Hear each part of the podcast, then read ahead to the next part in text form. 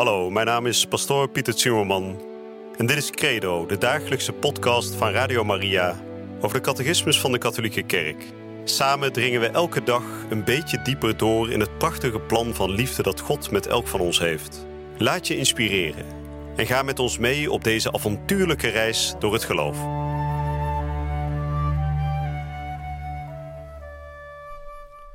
Vrienden, we zijn weer terug bij een nieuwe uitzending van Credo. We gaan weer verder doordringen in de woorden van de catechismus. We gaan kijken wat voor prachtig plan God met elk van ons heeft. En we zijn inmiddels aanbeland bij paragraaf 4 van het hoofdstuk over de geloofsbeleidenis. En we gaan spreken over de schepper. En ik zal vandaag de nummers 279 tot en met 285 gaan behandelen. Ik zal ze zo dadelijk voorlezen. Het zijn uh, iets langere teksten, dus ik zal um, niet te lang uh, nemen voor de introductie. Ik zal ze zo dadelijk voor gaan lezen. Maar zoals gebruikelijk zullen we wel eerst weer beginnen met gebed. In de naam van de Vader en de Zoon en de Heilige Geest. Amen. Heer God, wij willen u danken voor deze dag, deze dag die u gemaakt hebt en deze dag die u ons gegeven hebt om u te dienen. U hebt ons als schepper de tijd gegeven, de tijd om hier op aarde met u steeds meer in eenheid te leven, om steeds meer te leven, leren leven volgens uw plan. We willen vragen dat u als schepper ook ons leven herschept, dat u ons leven vernieuwt, dat u nieuw leven geeft aan alles wat dor en oud is in ons leven, in ons hart. We vragen dit u door uw Zoon, Jezus Christus, onze Heer. Amen.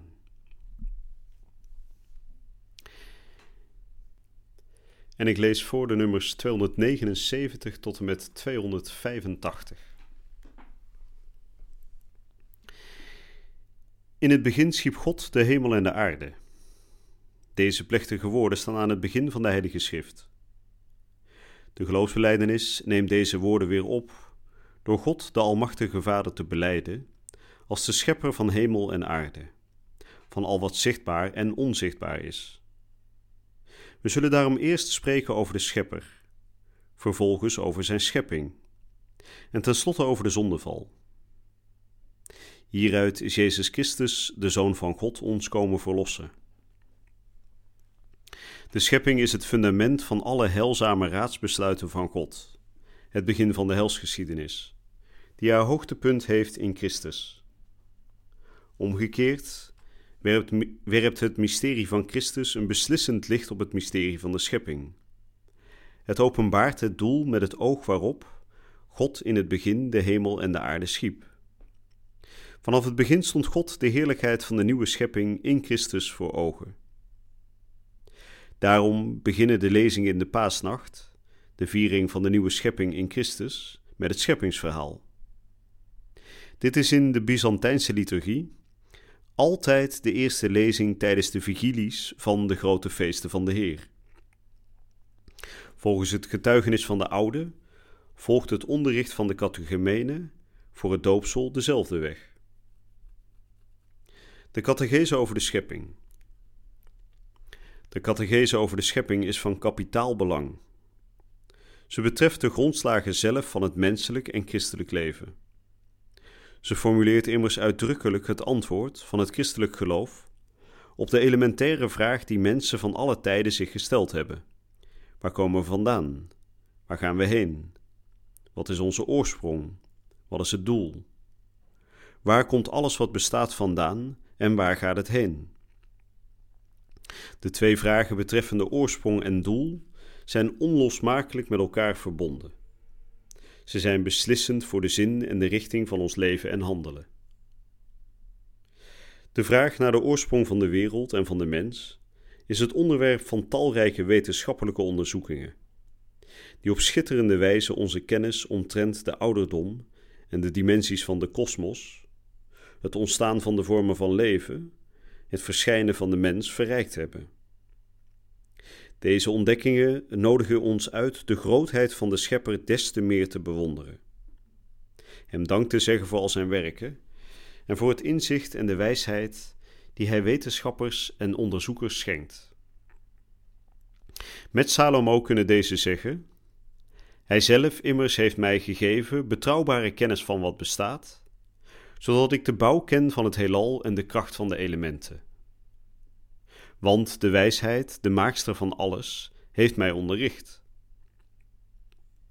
De grote belangstelling die aan deze onderzoekingen wordt besteed, wordt nog sterk aangewakkerd door een kwestie van een andere orde, die het eigenlijke gebied van de natuurwetenschappen overstijgt.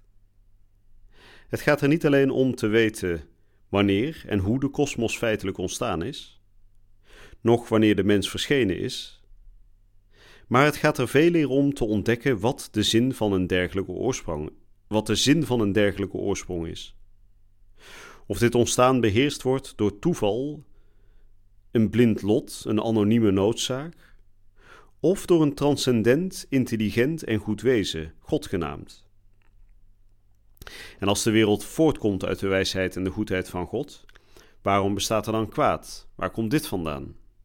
Wie is er verantwoordelijk voor? Bestaat er een bevrijding van dit kwaad? Vanaf het allereerste begin is het christelijk geloof betreffende de kwestie van de oorsprong geconfronteerd met antwoorden die afweken van het eigen antwoord. Zo vindt men in de oude godsdiensten en culturen talrijke mythen die betrekking hebben op de oorsprong. Sommige filosofen hebben gezegd dat alles God is, dat de wereld God is, of dat de wording van de wereld de wording van God is. Anderen hebben gezegd dat de wereld een noodzakelijke emanatie van God is, die uit deze bron stroomt en er weer naar terugkeert. Weer anderen hebben het bestaan aangenomen van twee eeuwige beginselen, goed en kwaad, licht en duisternis, die in een voortdurende strijd gewikkeld zijn met elkaar. Dat wordt wel genoemd het dualisme of het maniëgisme. Volgens enkele van deze opvattingen zou de wereld, althans de materiële wereld, slecht zijn, voortgekomen uit verval, een wereld die men dus dient af te wijzen of waaraan men voorbij moet gaan, zoals de gnosis gelooft.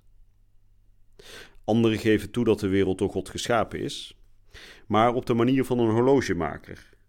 Toen hij haar eenmaal gemaakt had, haar aan haar lot overgelaten zou hebben.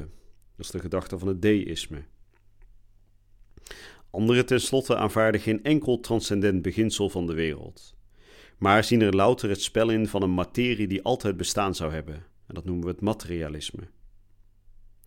Al deze pogingen getuigen van de bestendigheid en de universaliteit van de vraag naar de oorsprong. Dit zoeken is eigen aan de mens. Nou, dat waren de nummers, een behoorlijke lab wel deze keer. En het laatste nummer dat ik net heb voorgelezen was waarschijnlijk het ingewikkeldste.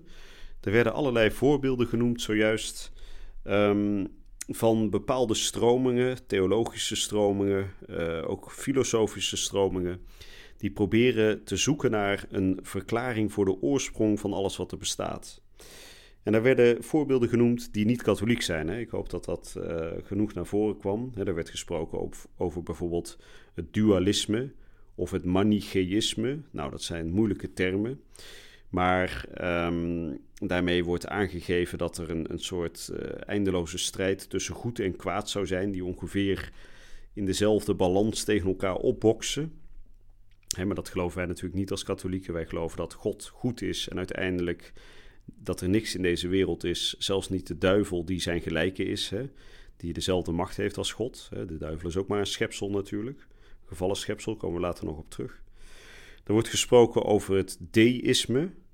Deïsme is een gedachte dat God als een soort uh, horlogemaker, hè, le grand horlogière, zoals in het Frans wel wordt genoemd, als een soort horlogemaker zijn schepping heeft gemaakt, als een klok als het ware heeft opgewonden, maar zich daarna ervan heeft teruggetrokken. Hè. Dus hij is na, na dat beginpunt is hij niet meer betrokken op zijn eigen schepping. Nou, dat is ook niet katholiek er wordt gesproken over het materialisme, dat alleen maar het zichtbare, het tastbare, dat dat de werkelijkheid vormt. Nou, wij weten dat dat niet zo is. Hè. Wij weten dat God ook een onzichtbare werkelijkheid vormt en ook een onzichtbare werkelijkheid heeft geschapen. Maar waarom werden al die voorbeelden genoemd? En u hoeft die uiteraard niet allemaal te onthouden. Om aan te geven dat in de loop van de geschiedenis van de mensheid er tal van pogingen zijn gewaagd om tot een goed antwoord te komen over de oorsprong van onze schepping.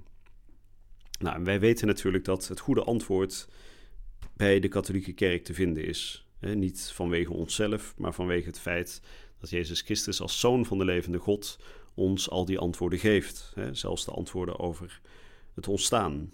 en in iets bredere context niet alleen Jezus Christus natuurlijk, maar heel de Heilige Schrift, heel de Bijbel. En Jezus Christus bevestigt alles wat er ook al in het Oude Testament is genoemd. Dus we gaan de komende dagen gaan we spreken over de schepping vanuit een gelovig perspectief. De schepping die ook een antwoord geeft op die fundamentele vraag. Niet alleen waar komen we vandaan, waar komt de schepping vandaan, wat is de oorsprong van alle dingen, maar die nauw verbonden is met die vraag en waar gaat alles naartoe? Wat is de reden, wat is het doel van alles wat er bestaat? Nou, daar gaan we de komende dagen uitgebreid over spreken. En ik denk dat dit uh, heel interessant kan gaan worden. Dus ik zou zeggen, uh, blijf vooral afgestemd hier op Radio Maria. En dan spreek ik u weer bij de volgende uitzending van Credo. Je luisterde naar Credo, de dagelijkse podcast van Radio Maria over de catechismus van de Katholieke Kerk. Credo is iedere werkdag te beluisteren op Radio Maria. Maar je kunt de afleveringen ook in je eigen tempo terugluisteren op onze website, in de app of op Spotify en de andere platforms. Via de website radiomaria.nl vind je dagelijks de link om de bijbehorende teksten uit de catechismus mee of terug te lezen. We zijn erg dankbaar voor alle giften die wij mogen ontvangen. Daardoor kunnen we ons goede werk blijven doen. Draag je ook bij aan deze missie?